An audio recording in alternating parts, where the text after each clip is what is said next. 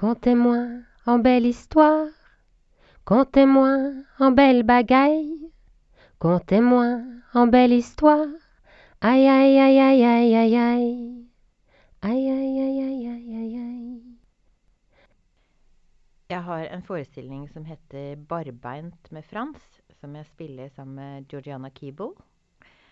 Og da er jeg Klara av Assisi, eh, nonne som levde på 1200-tallet, og det er jeg gjennom hele dagen. Og så forteller jeg, starter med at jeg forteller Frans av Assisi sin historie inne i kirken. Og før vi går ut på vandring, som varer en hel dag, så sier jeg Og nå skal vi gå ut, og så skal vi besøke Frans sitt hus. Og så går vi ut av kirken. Etter vi har spist eh, lunsj og spikket motsmykker, så forteller jeg resten av Frans sin historie. Og da sier jeg Nå er vi i Frans sitt hus. For himmelen var hans tak, bakken var hans gulv, og veggene, det var trærne. En dag så sto Frans ute i skogen, og så snakket han til brødrene sine. Han sto oppå en stein under et stort tre, og han sa Hele verden er dere søstre og brødre. Bror Sol, han varmer dere, og søster Vind, hun avkjøler dere. Oppi treet så satt det masse fugler, og de sang så høyt at Frans han hørte nesten ikke sin egen stemme. Så til slutt så stoppet han og sa Kjære små søstre, kan dere være stille bare lite grann til jeg er ferdig? Alle fuglene stoppet å synge, bortsett fra én. Hun fortsatte å synge. Hva er det du sier? Vil du at jeg skal fortelle brødrene om bror Baur som rydder opp i skogen? Da hørte de plutselig et skrik som for gjennom trærne. Det var et esel. Og nå får vi besøk av bror Esel, sa Frans. Men bak bror Esel så gikk det en mann og pisket eselet framover. Øy, vær snill mot broren din, sa Frans. Sammen med brødrene så gikk Frans, sang Frans, danset Frans. Og siden de hadde gitt fra seg alt det de eide, så gikk de også rundt og tagg for andre mennesker. En dag så kom de til en landsby, og da var det en ung mor som sa Ja, men Frans, dere kan jo ikke tigge fra oss, vi har jo nesten ingenting selv. Dere må jo være med å bidra. Dere må jobbe. Mange av brødrene de hadde aldri jobbet før. De hadde vært rike, så andre hadde arbeidet for dem. Men nå lærte alle seg et håndverk. Og så gikk de rundt fra landsby til landsby, og så var de til tjeneste for andre mennesker. En av brødrene han spente renningen i veven til en travel mor. En bandt opp vinrankene til en krokrygget gammel gartner. En sydde sko, og en stelte sårene til en syk stakkar. Og Frans, han hjalp den fattige frukthandleren med å regne. Tusen takk, sa frukthandleren. Han var vant til at folk snøyt han. Du må jo være en engel, sa den syke. Skal jeg få sko av deg, du som ikke har sko selv engang, sa bonden som fikk skoene. Å, i dag sparte du ryggen min, sa den gamle gartneren. Se, barn, sa den travle moren, se så fint arbeid Guds mann har gjort for oss. Brødrene de bodde i huler i skogen eller sov under trærne. Og tidlig en morgen så gikk brødrene gjennom skogen. Solen den hadde ikke begynt å varme ennå, og det var dugg i gresset. Og ut fra trærne, rett foran dem på stien, så kom det springende en stor, grå ulv.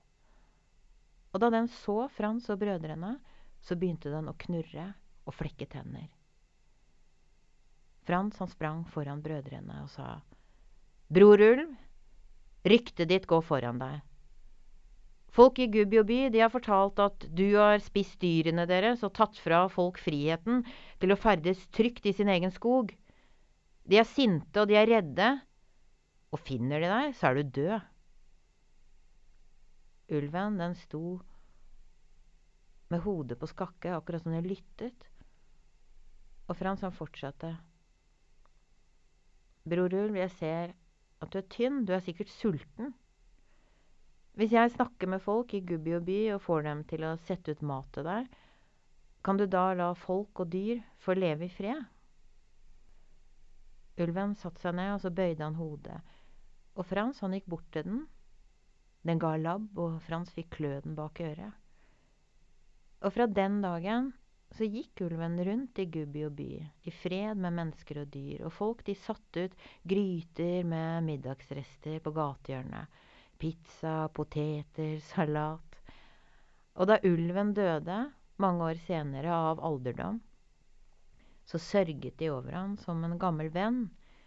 Og de ga han en begravelse, og så reiste de en statue av han. Så hvis dere reiser til Gubbi og by, så kan dere se den statuen til minne om ulven og til minne om Frans. Fransiskanerbevegelsen den spredte seg til hele verden.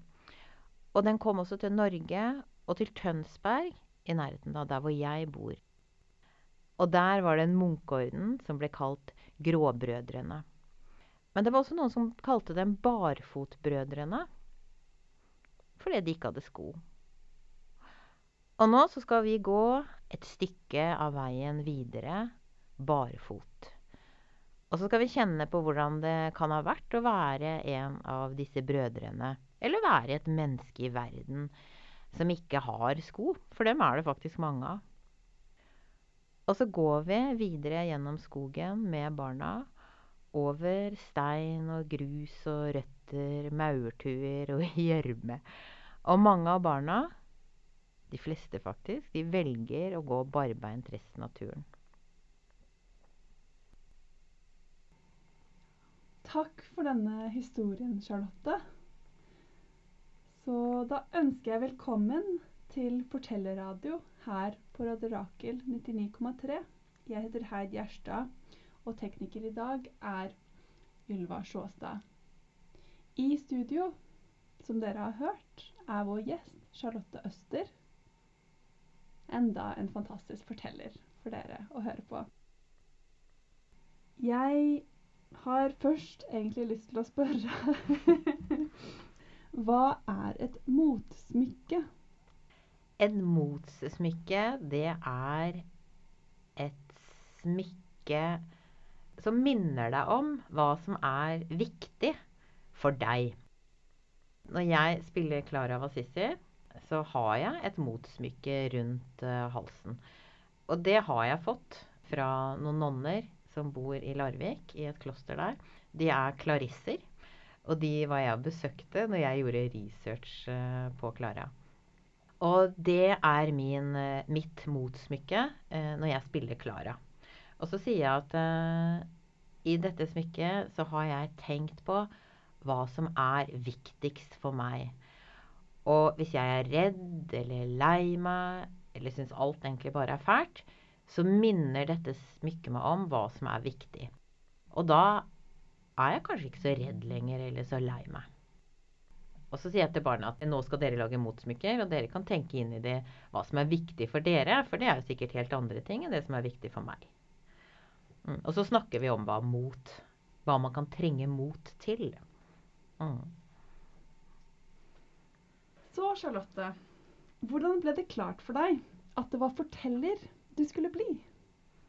Det var eh, egentlig en tilfeldighet. Jeg gikk lærerskolen i Bodø, og mens jeg gikk der, så visste jeg hele tiden at det, det er ikke lærer jeg skal bli.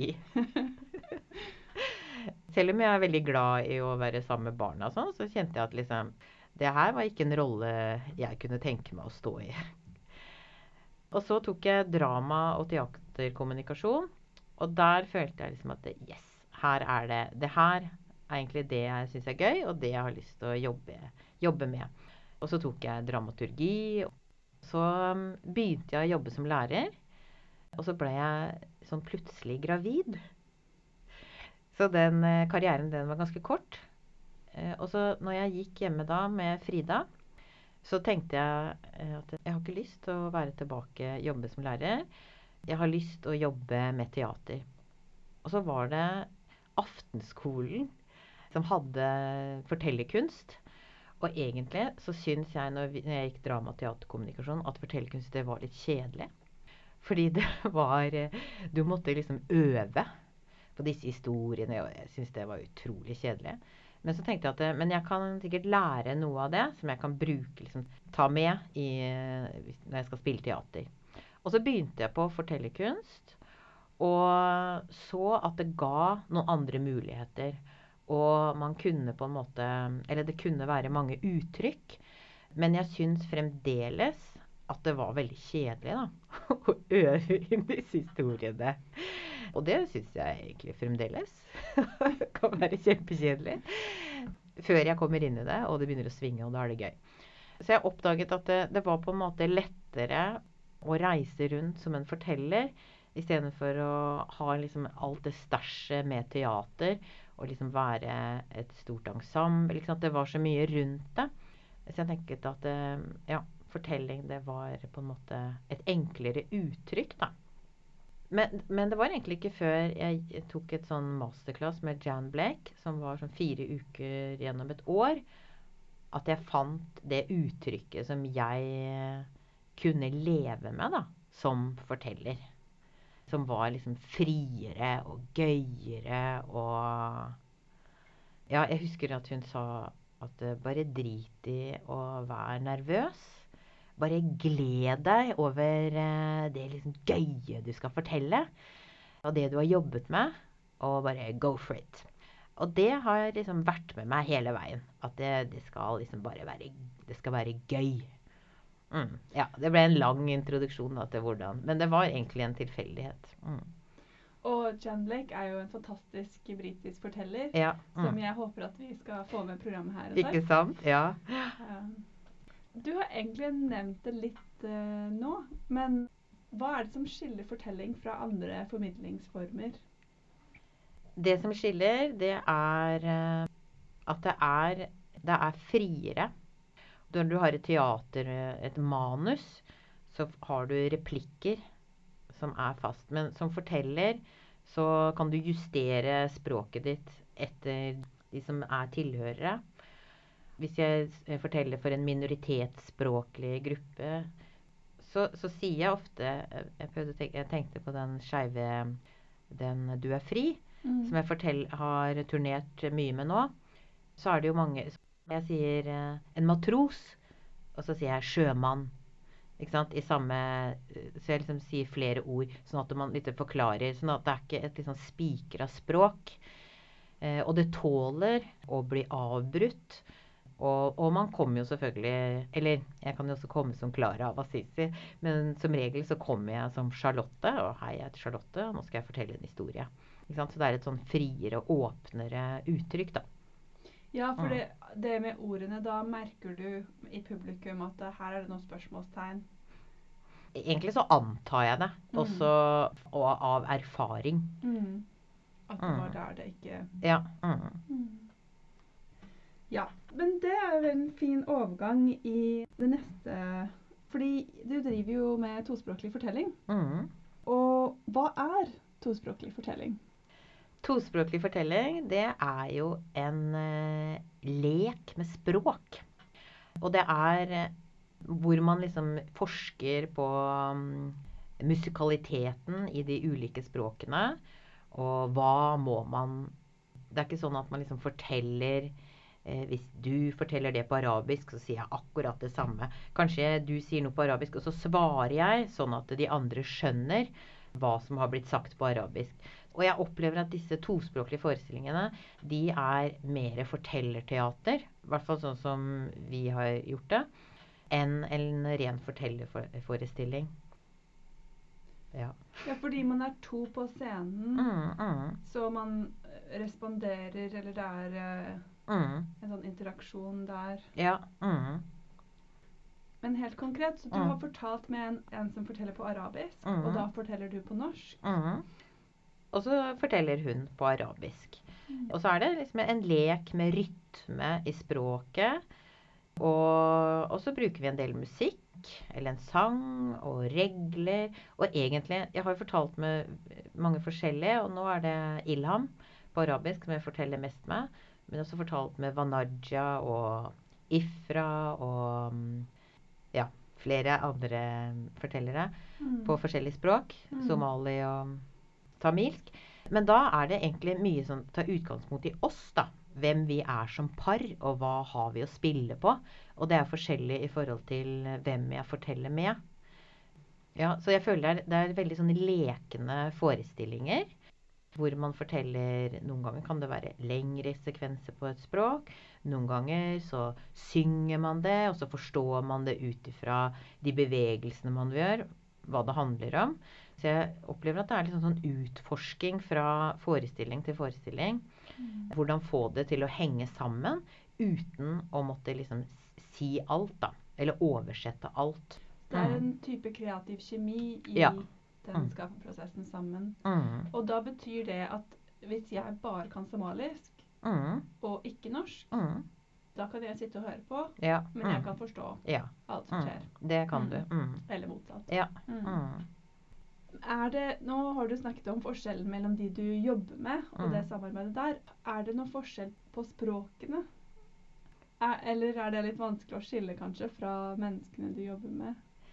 Det ja, nei, vet du hva? Det er absolutt forskjell på språkene. Fordi når jeg jobbet med Ilham og lagde denne forestillingen Hvis jeg sa noe på norsk, så sa hun Så det hun skulle si på arabisk da, ble veldig langt. så det var liksom Så det tok faktisk lengre tid enn det jeg var vant til da, fra, på somali eller eh, på tamilsk. Mm. Og eh, Eller på kurdisk. Mm. Ilham Tafi. Ja, riktig. Mm. Ja. Mm. OK, så spennende. Så Ja. det tar lengre tid å si noe på arabisk. Ja. Da ble det sånn OK, hva, hva, hva sa du nå, Ilham? Nei, jeg, jeg sa det du sa. Ja. ja, det, ja, det er liksom man lurer på Er det Ja, formen, eller ja. er det innholdet? Ja. Så at det er faktisk Eller det er forskjell. Og, og ethvert språk har sin stemning og sitt rom og sin smak. Så jeg føler at det er og, Men det er jo selvfølgelig også farget av eh, de menneskene. Men, men også språket i seg selv. Opplever jeg. Ja. Og blir det også litt kulturell oversettelse? Altså Min erfaring fra eh, da jeg bodde i landsby Himalaya, ikke sant? Mm. så hadde jeg gjester av og til. Mm. Og da kunne ikke noen av de det språket, og så kunne Mm. ikke noen av landsbyfolkene engelsk eller norsk. Ja. Så da oversatte jeg alt det folk skulle si. Mm. Og da sensurerte jeg ganske mye begge veier. For det er jo noen, noen kulturelle ting, ikke sant. Ja. 'Å, du har blitt tjukk siden sist'. Altså. Eh, og, eller, eller, eller andre veien. Ja. Um, ja. ting jeg visste folk ville ta seg nær av da. Ikke sant? Ja. Eh, så er, blir det nå Ja, ja vet du hva? Det, jeg bare kom på med en gang når du sa det, så var jeg Jeg jobbet sammen med en eh, morsmållærer som het Bilal, som var fra Irak. Og så møtte jeg foreldrene til noen barn jeg jobbet med. Og da oversatte Bilal det jeg sa. Og så hørte jeg at han sa 'inshallah'. Og så Ja. sa jeg 'Nei, det sa ikke jeg, Bilal', sa jeg. Men da lo vi, da. For det er liksom noe man, heng, liksom man hang på det, og, og jeg så han ble overrasket. Mm. ja. Ja, ja, så det er absolutt. Mm. Mm, det blir jo Mm. For det er jo Ja. Mm. Man Hvis Gud vil. språk, så, Ja, ja, så, eh, så Mm. er det noen ting som er del av språket Ikke som sant. ikke ja. mm. Og det, når jeg eh, liksom sender meldinger med Ilham, så sier jeg eh, ja, men da ses vi, da. Mm. Eh, 16. februar. Inshallah. Ja. Mm. Mm. For du kommer inn i det. Ja, også fordi jeg liker det. Ja. Jeg liker det. ja. Hvis det skal skje. Hvis Gud vil. Mm. Du hører på Fortellerradio hos Radio Rakel FM 99,3. Jeg heter Heid Gjerstad. I dag har vi Charlotte Øster som gjest. Så Charlotte, du har jo jobbet en del med historier fra arkivet. Og hvordan fungerer det som forteller å jobbe med arkivmateriale? Når du jobber med arkivmateriale, så må du jo forholde deg til det faktiske som står der. Så det er begrenset hva du kan dikte rundt. Så du står ikke helt fritt. Eh, Men du kan si 'sånn kunne det vært', eller 'jeg ser for meg at det kunne være sånn'. Men jeg må ha dekning for det jeg sier. Så det er, det er annerledes. Og så er det når man skal liksom lete gjennom et arkiv og finne historier, så må du også lese gjennom utrolig mye som ikke er så veldig spennende. Og som ikke er fortellbart materiale. Så det er en sånn eh, skattejakt, ikke sant? Hvor du er mange, og det tar kjempelang tid å finne til disse historiene. Så det opplevde jeg både som, eh, ja, ja, som frustrerende. Jeg tenkte liksom Oi, det her, det her, blir ikke noen forestilling. Men så fant jeg liksom ah, disse ja, fantastiske historiene. Jeg har fått uh, fantastisk hjelp av Runar Jordåen på Skeivt arkiv i Bergen. Og der var jeg, og han fant fram masse fantastiske historier. Så da ble det plutselig valgets kval. Han har gjort et nydelig utvalg. Så da ble jeg ekstremt uh, takknemlig. Mm. Ja. Og da var det sånn at jeg bladde videre. Sånn som historien om Jense-Mari. Hvor det var bare Hæ?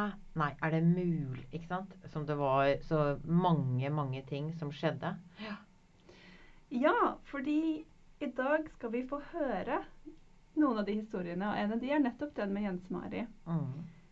Så vær så god, Charlotte. For 300 år siden så levde det en ung sagdreng i Kragerø som het Aron Åsulsen.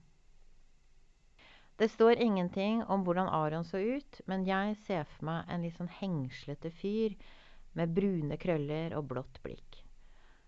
Og Aron han sto i suset av den store fossen som drev dette sagbladet rundt. Og der sto han sammen med mange andre mannfolk og manøvrerte tunge, glatte tømmerstokker som skulle sages til planker. En dag så begynte det en ny på saga. Det står at han hadde en annen dialekt, og så står det at han var på Aron sin alder, 15-16 år. Men det står ingenting om hva han uh, het, eller hvor han kom ifra. Men da jeg leste denne historien her fra Skeivt arkiv, så så jeg hele tiden for meg Even i Skam. Og for dere som ikke har sett Skam, så kan jeg fortelle at Even, han er en høyreist kar. Han har eh, intense øyne, en lys sleik, og så er han ganske kjekk, syns jeg, da. Og Aron og Even, som jeg velger å kalle han, de ble venner. Kanskje fordi de var de eneste som var på samme alder. Alle de andre de var familiefedre. Etter hvert som dagene, ukene og månedene gikk, så kjente Aron at han ble mer og mer fascinert av denne Even. Fordi han var bra og kul på en annerledes måte. Og han tok seg selv i alltid å vite hvor Even var på Saga, og hva han holdt på med. En dag som han sto og fulgte med på Even som jobba, så så Even opp, og han holdt blikket hans fast og Aron kjente til sin forskrekkelse et sug i magen.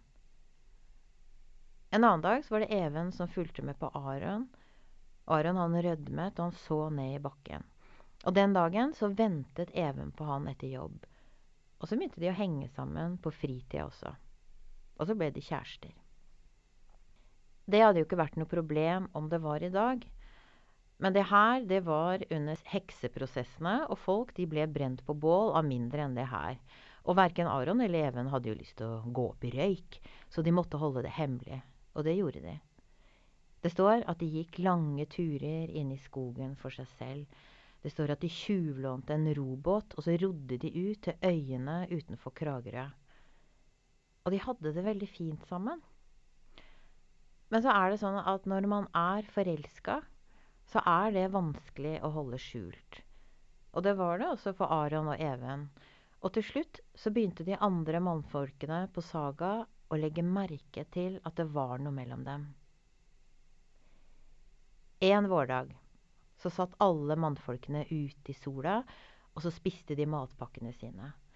Og Stemningen det var høy, de tulla og lo, og Aron han kjente seg så glad han tok tak i den karen som satt ved siden av seg, og tulla med han, og var helt uforberedt på den reaksjonen som møtte han.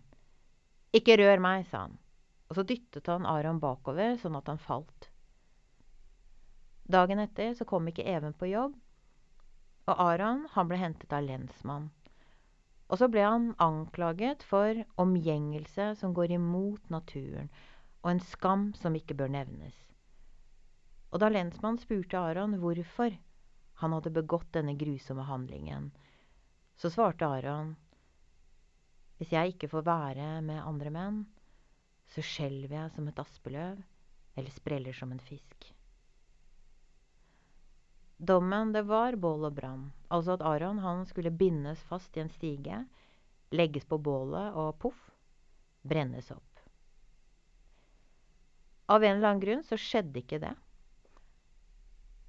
Og historikerne de mener at uh, de som skulle dømme Aron, de var redde for at hvis det her ble en snakkis, så ville det smitte over på andre menn også. Ellers var de redd for at Aron skulle komme og hjemsøke folk etter hans død. Så isteden så fikk Aron 100 piskeslag over ryggen. Han ble svimerka i panna, sånn at alle kunne se resten av hans liv at han hadde begått en grusom handling. Og så ble han forvist fra Kragerø til evig tid. 15-16 år og ingen mulighet til å noensinne vende hjem til familie, venner eller kjæreste igjen. 100 år etter Aron, i vakre Strømsø kirke i Drammen, så sto det et nydelig bryllup en klar novemberdag. Det sto mellom den yndige Anne Kristine og den kjekke Jens. Pikenes Jens, faktisk.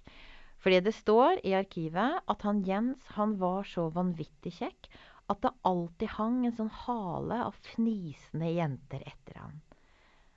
Så når presten endelig hadde viet disse to, så pustet han lettet ut over at Jens sin omgang med pikene, i hvert fall han Kristine, kunne foregå i sømmelige former. Og de var et nydelig par. Det står at Anne Kristine hun hadde langt, korngult hår. Og så hadde hun vokst opp på en gård i Hedmarken, og nå jobbet hun som en arbeidsom og flittig veverske på Strømsø veveri. Jens han sa selv at han var født på Gran i Hadeland. Og da begge foreldrene hans hadde dødd da han var 14 år, så ble han tvunget ut på tiggersti. Altså han måtte gå fra gård til gård og banke på og spørre om mat. Og så måtte han sikkert jobbe for eh, maten han fikk også. Men så fikk han jobb som kusk for en justisråd. Og han justisråden han sa at Jens var den mest dugelige, påpasselige og flittige kusk han noensinne hadde hatt. Det står i arkivet at Jens han hadde nydelig rødbrunt hår, brune øyne og et litt sånn skeivt smil som fikk jentene til å dåne. Og nå hadde dette vakre unge paret fått hverandre, og alt var bare lykke.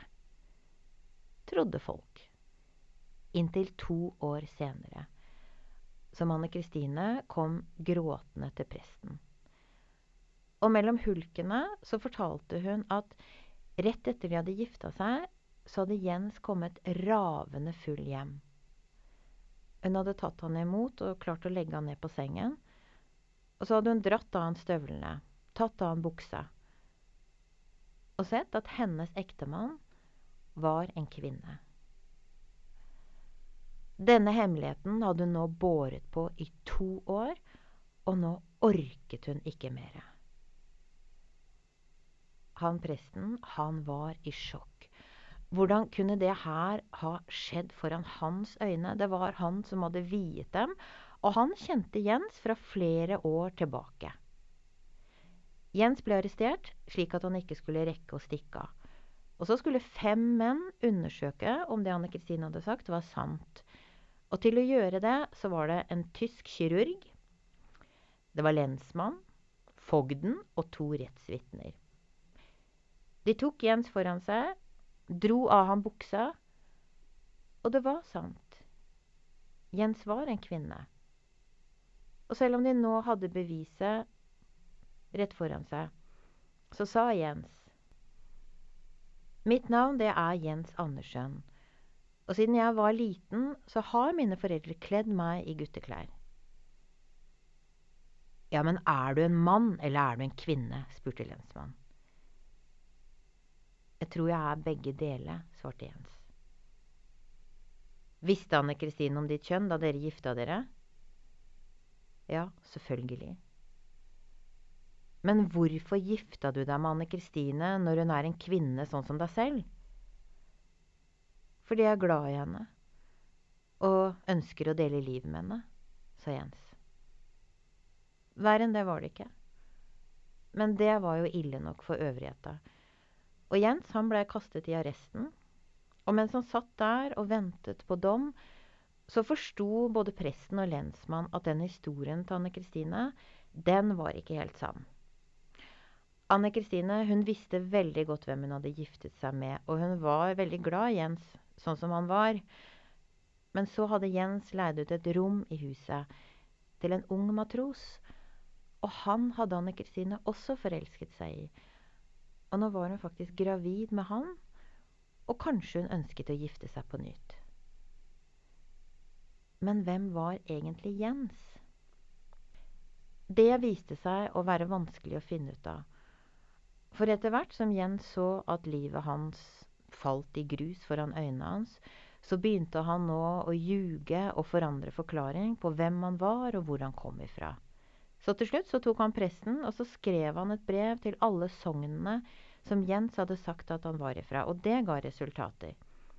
For på graven i Hadeland så sto det i kirkeboka at Jens var født som Mari, som én av fire søsken.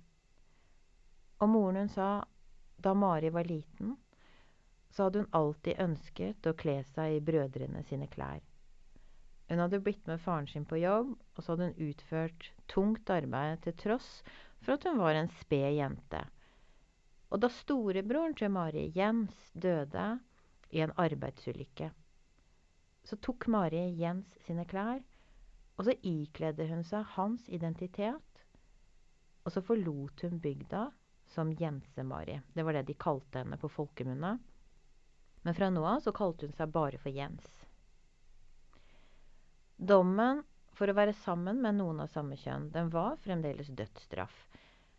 Men fordi han lensmann han hadde jo aldri vært borti et lignende tilfelle som det her, så han visste faktisk ikke hvilke lover i boka han skulle bruke for å dømme Jens. Så derfor så satt Jens fremdeles i arresten flere måneder senere, da presten kom med det triste budskapet om at Anne Kristine var funnet død. Hun hadde dødd i forsøket på å gjennomføre en abort på seg selv, og hun ble funnet på det lille rommet hun leide. Og det står i arkivet at hun ble funnet i ytterste armod, ribbet for alt av jordisk gods, og ikke engang penger til å betale for sin egen begravelse. Da Jens fikk denne beskjeden om sin ektefelles død, så brøyt han fullstendig sammen. Og så skrev han et brev til fylkesmannen hvor det sto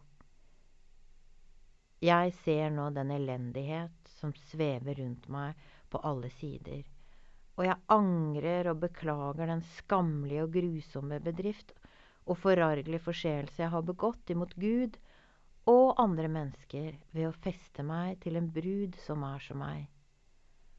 Og så underskrev han som Mari Andersdatter. Og han tagg og ba om å få sin straff.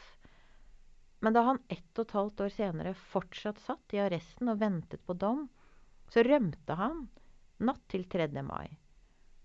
Og sist han ble sett, det var i skogene rundt Tønsberg, der hvor han gjemte seg.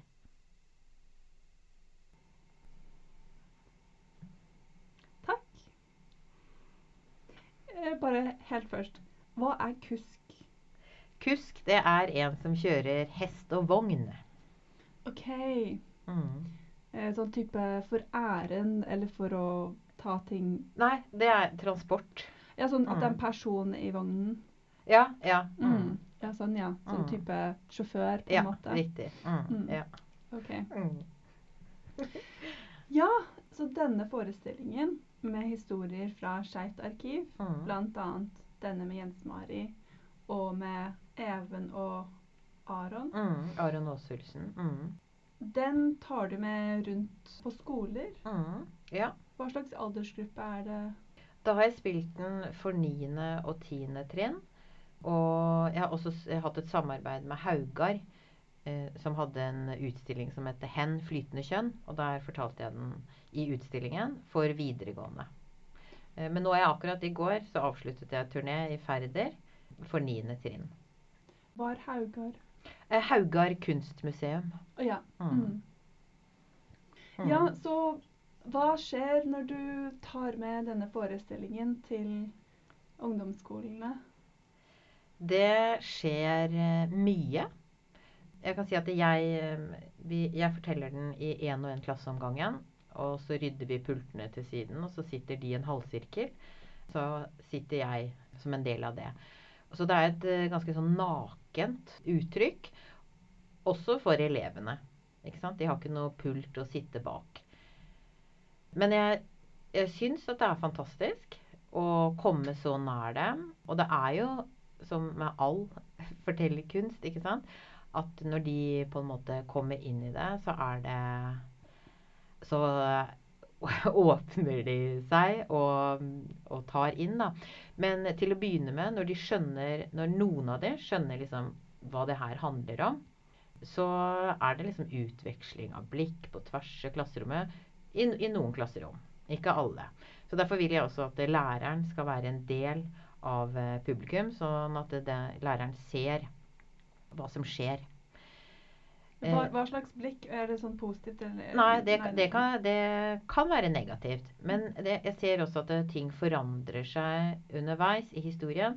Hvor de på en måte blir opptatt av historien mer enn det det, det, det på en måte representerer. da. Så det har vært en fantastisk forestilling å reise med. Men det er også en annerledes forestilling å reise med. Fordi at uh, innimellom så skaper det noen reaksjoner. Og det har jeg jo vært forberedt på. Selv om at vi lever i 2019 så, og ville tro at ikke det var sånn, så, så, gjør det det. Men nå har vi også utviklet en sånn workshop som vi gjør etter forestillingen. Eh, og i går så var det en utrolig stille klasse. De sa, for det er en forestilling i dialog hvor jeg stiller spørsmål underveis. Og så får jeg dem til å Det har jeg gjort etter hvert. da, Fått dem til å diskutere uten Eller sånn at de snur seg mot sidemann og diskuterer. Og så får jeg høre etterpå hva de har tenkt. Eh, for det å bare rekke opp handa og si noe, det, det har liksom vært, eh, vært, vanskelig å få til mange ganger. Men i går så var jeg en kjempestille klasse hvor de ikke hadde mange innspill. Eh, men så har vi en workshop etterpå hvor, vi, hvor det er en sånn, slags sånn filosofisk samtale. Og vi har vært og snakket med Beate Børresen, som jobber på Oslo OsloMet. Og fått et fantastisk verktøy som vi um, har brukt. Og, og, det verktøyet det gjør at alle kommer i tale. Og at det er masse diskusjoner og masse meninger. Og da går det mye på, på kjønn og hvordan man liksom kategoriserer kjønn. Og kjønnsuttrykk. Ja. Så hva slags verktøy? Ja, ja da, konkret så har vi et rødt, langt tau. Og i den ene enden av tauet så står det 'mer akseptabelt', og i den andre så står det 'mindre akseptabelt'. Så det her er en skala. Og så har vi påstander som disse elevene da skal legge på, og læreren. Eller de, alle som er i rommet. Så skal de vurdere hvor denne påstanden skal legges på skalaen. Og det er alt fra jenter barberer ikke leggene sine. Gutter barberer leggene sine. Rektor ansetter en person med skjegg og skjørt. Alle kan bruke sminke. Gutter eh, kan leke med barbedukker. Jenter står og tisser. det er masse, masse påstander. Gutter, eller eh, menn, går fortere enn jenter på VM på ski. Det er noen faktasetninger, det er noen myter. Og det er noe vi skal mene noe om. Og så skal vi eh, tenke høyt sammen. Jeg har en app på telefonen min som jeg trykker på, og så er det liksom random hvem, hvem tall som kommer opp. Sånn at de får ikke forberedt seg. Det er ikke sånn at det, først er det én, to, tre. Så de vet aldri når det er dems tur. Og det føler jeg er en sånn stor hjelp til at de bare må reise seg opp og handle. Og det har vært så heftige diskusjoner rundt alt for at gutter skal få leke med barbiedukker til, og enorme diskusjoner på at jenter ikke barberer leggene sine. Og, og overraske meg. Hva som liksom skaper diskusjoner. Ja, så Det har vært eh, kjempespennende og veldig læringsrikt. Og så har vi på slutten av dagen, det er liksom tre timer, noen ganger tre og en halv time, så lager de en button som skal være et statement, og som skal handle om identitet. Eller det temaet vi, vi jobber med, har jobbet med den dagen.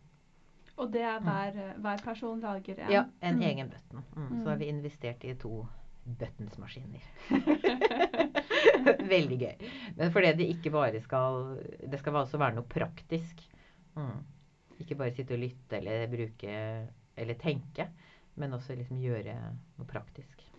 Altså, nå sitter vi jo her i Radio Rakel, som er feministradioen. Ja. Og det høres jo ut som et verksted som alle burde få. Ja, Vært med på. det er det. Så, Ja. Ja, mm. jeg er eh, så Når jeg går ut fra de klasserommene Noen ganger i denne uka her, så har jeg vært så rysta. Og så skal du være profesjonell, og så skal du takle alle disse tingene som kommer, som faktisk er liksom oppegående elever som er superflinke til å argumentere, og som er to hoder høyere enn meg, og som har skjegg, og som jeg må huske på at eh, Oi, han er faktisk bare 14 år. Ikke sant? Så jeg har gått ut derfra og vært rysta, og, jeg, og går ut derfra og er bare yes, så gira og glad. Og, så det er virkelig et, eh, et prosjekt som eh, Ja, som beveger meg da, i alle retninger. Mm. Mm. Ja.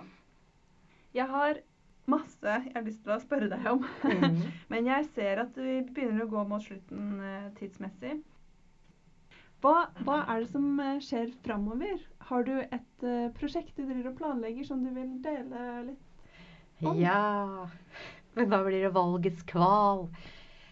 Kan jeg fortelle kort om, om to? Ja, Ja. absolutt. Ja. Jeg har eh, ett prosjekt som jeg driver og planlegger nå. Den, eh, fra Barbeint med Frans. Der er det jo Georgiana Keeble og jeg som eh, Eller Marianne North, som Georgiana er i rolle, og Clara Wassisi, som tar med disse barna på en reise. Et sted de kanskje ikke har vært før, men som alle kan sykle til. Ikke sant? Så det er på en måte det er en dramaturgisk reise med fortellinger og, og ting de gjør. Og så fikk jeg en idé om at eh, jeg skulle komme som Charlotte inn i Og nå jeg, jeg har, nå fått en DKS-turné, men prosjektet skal jeg lage. Så da skal jeg komme inn i tredjeklassene i Færder. Og så skal de vise meg sin skog. Hvor de pleier å være. Og vise meg sine gjemmesteder, og hvor de pleier å leke. Og så skal jeg fortelle historier da, som passer til det her. Og så skal vi være i naturen sammen. Og jeg vet ikke helt hvordan jeg skal gjøre, gjøre det her. Men det er noe jeg gleder meg veldig til å gjøre. At de skal vise meg. Så det er liksom snudd på en måte. Men så må jeg også åpne noe opp for dem. Ja, Så de skal jeg være sammen med en hel dag tredje klasse. Og så har jeg et Og så må jeg bare si at det er helt fantastisk å, å få lov til å liksom selge inn en idé, og så er det noen som liksom tenner på den ideen og sier ja, det, det har vi lyst til at du skal gjøre. Så det er bare supertakknemlig for at jeg har sånne folk rundt meg som sier ja til det. Så takk til det, Vigdis. Og takk også til Ketil. Som Ja, men, men du må nesten forklare hvem det ja. er. da. Vigdis hun eh, er, eh, jobber i DKS i Mm. Færder. Og Ketil Teigen han eh, jobber i DKS i Tønsberg. Og det er to personer som, eh, som sier ja, og som tenner på ideer, og som gir muligheter. Og som det er gøy å spare med, da. Mm. Ja. Og så har jeg et annet prosjekt. For jeg må jo si at et skeivt arkiv, eh, eller den, den jobben, det er eh, grunnen til at jeg har turnert med det. Det er eh, Foreningen FRI i Vestfold, som hadde et 40-årsjubileum. Og det måten å feire det på, det ble da at jeg skulle få lov å reise rundt i klassene med de skeive historier. For da leverte de sitt arkiv gjennom 40 år til Vestfoldarkivet. Så Vestfoldarkivet og, og Fri Vestfold de er samarbeidspartnere i forestillingen 'Du er fri'. Og da innledet jeg et samarbeid med Vestfoldarkivet. Og Ulla Nachstein, som eh, jobber der, og som er arkivformidler. Og nå har vi et nytt prosjekt på gang som, eh, som handler om menns historier. For eh, Vestfoldarkivet de har fått inn Saba sitt eh, arkiv. Og? Saba, det Mm. er eh, en av de første Eller det er den første som lagde bind her eh, i Norge. Så de har fått eh, De har sånne bedriftsarkiv. Så har de fått inn da Saba sitt arkiv. Så Ulla hun skal jobbe, hun skal fortelle da historier fra dette arkivet. Ulla Narstein, arkivformidler i Vestfoldarkivet. Og så skal jeg fortelle menshistorier eh, fra si- mitt liv. Menstruasjonshistorier. Ja, ikke sant? Mm. Ikke historier om menn, men historier om mensen. Nemlig. Mm. Mm. Ja. Mm. ja. Og da forteller jeg utdrag fra mitt liv og mine erfaringer. Og det kan være mm, for eksempel Kan jeg si det? Ja, ja. Det var en av barna mine som eh, skulle konfirmere seg. Og da i den forbindelse så, så vi gjennom mange sånne videoopptak. Og da var det en video hvor det var noen som hadde bursdag. Og så sto hele min familie da, jeg og barna, vi sto i bunnen av trappa, sånn lettkledde. eh, Med et brett med lys og gaver og kake. Og så bevegde vi oss sakte opp trappa mens vi sang 'Hurra for deg'. Og plutselig så zoomer Per, mannen min, inn på rumpa mi. Jeg har mensen, og han har oppdaget, oppdaget Libresse sine vinger, som folder seg så vakkert rundt trusekanten. Så, det, så det en inn, kan være en innledning. Og så forteller jeg også fra da jeg var eh, Eller det er planen, da. Planen, da at jeg skal bruke historier fra, fra eget liv. Mm. Jo, så jeg har også lyst til å si at jeg har eh, en venninne som er tamilsk. Og vi snakket om, eh, vi snakket om For det, jeg har fortalt eh, historier i eh, på festivalen som eh, da det var het, eller hadde et tema som het rein skit. Og så fortalte jeg under en forestilling som het Kropp, krenk, skam. Så da handler det om kroppslige funksjoner. Og da snakket vi om det, for da gjorde vi en jobb sammen. Og så fortalte jeg liksom om døtrene mine, da, om hvordan de forholdt seg til mensen. Og så sa hun at eh, når datteren hennes fikk mensen, så var jo det stort. Ikke sant? Hun er tamilsk. Og hun ringte, hun venninnen min hun ringte liksom til London og til, til Berlin og liksom skulle samle hele familien og leide sånn samfunnshus, og de skulle ha fest, og datteren fikk ny sari. Og så fikk datteren uh, nyss om det her, og så sa hun Mamma, har du fortalt alle at jeg har fått mensen? Ja, ikke faen om det skal være en sånn fest hvor alle kommer. Så den, eh, hun måtte bare avlyse denne festen. For eh, hun har vokst opp i Norge, så hun ville ikke ha noe av det her. Så ble bare de, den innerste kjerne, bare kjernefamilien, da, var med på å feire det her. Så det er også sånn kulturelt eh, hvordan man forholder seg til menstruasjon, da. Mm. Og hvordan det fortsatt er på en måte til en viss grad et tabu. Jeg snakket med en, sånn, en oppegående sånn, eh, venninne av meg som sa at eh, hun handlet aldri i nærheten av jobben sin. For hun uh, ville ikke at liksom, kollegaene skulle stå bak henne da, og så se at hun liksom la bind og OB og sånn på, på det rullebåndet. Og det overrasker meg litt. Ja. Ja, gleder meg til å se hva, hva som kommer av det, eller Mhm. hvordan den, den forestillingen blir. Ok, Mhm. Et program om deg som forteller Charlotte Øster, det hadde ikke vært komplett uten noe tradisjonsfortelling. Så hva er det vi skal høre nå? Jeg skal fortelle et utdrag av eventyret 'Det blå båndet'. Det har premiere på mm, Riksscenen 30. mars. Det er Maja Lindroth som har komponert musikken. Og så er det Sikada som skal spille det sammen med meg når jeg forteller. Det handler om en liten familie. Med en mamma og en ung gutt. Og de lever i en ekstrem fattigdom. Så nå har de vært og banket på dørene for å tigge om mat. Og de må snu, og så må de gå hjem før det blir mørkt.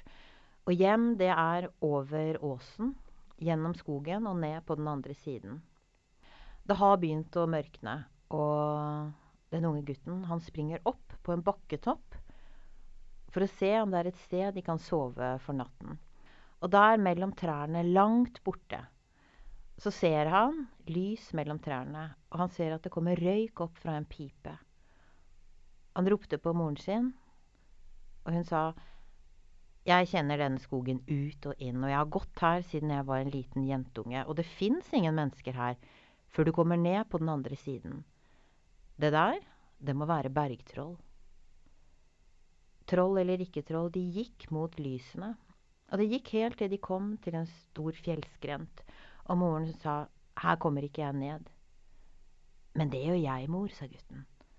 Og så løftet han om moren og tok henne under den ene armen, tok sekken med mat under den andre, og så hoppet og sprang han ned fjellveggen som en fjellgeit. Han stoppet ikke før de kom til en stor, vakker, rødmalt gård med stabbur og stall. Det var her de hadde sett lysene fra, og det kom fremdeles røyk opp av pipa.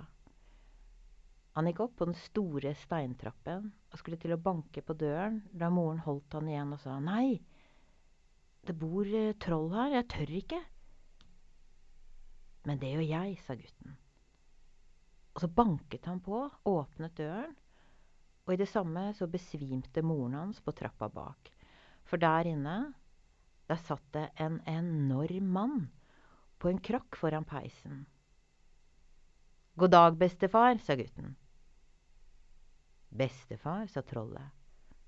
For det var troll det var. Det er det ingen som har kalt meg på over 300 år. Kom inn. Gutten han kom inn, og trollet han gjorde plass ved siden av krakken. Gutten hoppet opp, og de snakket som om de alltid skulle kjent hverandre. Og gutten han fortalte sladder og ljug fra den andre siden av åsen, og trollet han humret og lo. Men så stoppet han opp og sa, Kanskje du skulle sett på hun derre mora di? Gutten gikk bort til moren, og han ristet liv i henne. Hun spratt opp og så seg forskrekket rundt, før hun sprang og gjemte seg bak den store veven. Der satt hun og så opp på trollet som en forskremt liten jente. Han hadde store, hårete hender. Håret på hodet det var brunt, flokete og sto rett til værs. Men skjegget hans, det var velstelt og vakkert. Øynene hans var små og grå og så i hennes retning. Mens munnen den smilte bredt med hvite tenner og en gulltann som lyste i mørket. Vi lurte på, sa gutten, om vi kunne sove her og få noe å spise. Joa, sa trollet. Det er hyggelig med selskap. Og så blunket han til moren.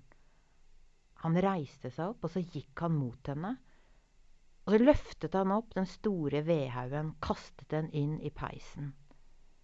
Det flammet opp. Moren hun sprang, og så gjemte hun seg bak gutten. Han kommer til å drepe oss. Og så trer han oss på spidd, og så griller han oss i peisen. Men trollet gikk ut, inn i stallen, og så hentet han en svær okse som han slo til under det høyre øret. Den falt død om med det samme. Han løftet den opp i beina, tok den med inn, og så grillet han den rundt på alle sider til den var helstekt. Han fant et enormt sølvfat, deiset oksen ned på det. Og så helte han oppi vin i kopper store som badekar, før han ønsket vær så god. Jeg klarer ikke å løfte kniven, sa moren, den rikker seg ikke. Men jeg klarer, mor, sa gutten. Og så løftet han opp kniven, tre alen lang, og skar av kjøtt til alle sammen. De spiste okse, og de drakk vin. Og da moren og gutten var forsynt, så tok trollet, og så stappet han inn den svære oksen inn i kjeften med hud, hår, horn, hale og det hele. Han tømte vinkaraffelen, og så sa han, Jeg har bare ei seng. Men jeg har ei vogge etter unga mine, og den kan du ligge i, sa han til gutten. Mens du, mor, du må dele seng med meg. Gutten, han sprang bort, og han kledde av seg, hoppet opp i vogga. Det var en king size vogge. Han kikket over kanten, og der så han moren krøyp opp, livredd, og la seg i senga ved siden av trollet. Trollet han tok den store, hårete handa og klappet henne på hodet. Og gutten han tenkte Det er kanskje best at jeg er våken i natt. Takk. Du har hørt på Fortellerradio her i Radio Rakel. Jeg heter Heid Gjerstad. Gjest i dag er Charlotte Øster, og Ylva Sjåstad har stått for teknikken. Takk for oss. Contez-moi en belle histoire, contez-moi en belle bagaille, contez-moi en belle histoire, aïe aïe aïe aïe aïe aïe aïe, aïe aïe aïe aïe aïe aïe. Fortellerradio er støttet av Kulturrådet, Prosjektstøtte kulturvern og av Oslo kommune. Kjenner du noen du mener er kjempegode til å fortelle? Tips oss gjennom kontaktskjema på fortellerhuset.no, og kanskje også de blir gjest i programmet. Goûtez bien, parés pour toute chose qui est passée. Contez-moi en belle histoire, aïe aïe aïe aïe aïe aïe, aïe. Tout le monde vini, tout assise, contez-moi en belle surprise, contez-moi en belle histoire, aïe aïe aïe aïe aïe aïe aïe, aïe aïe aïe aïe aïe aïe aïe.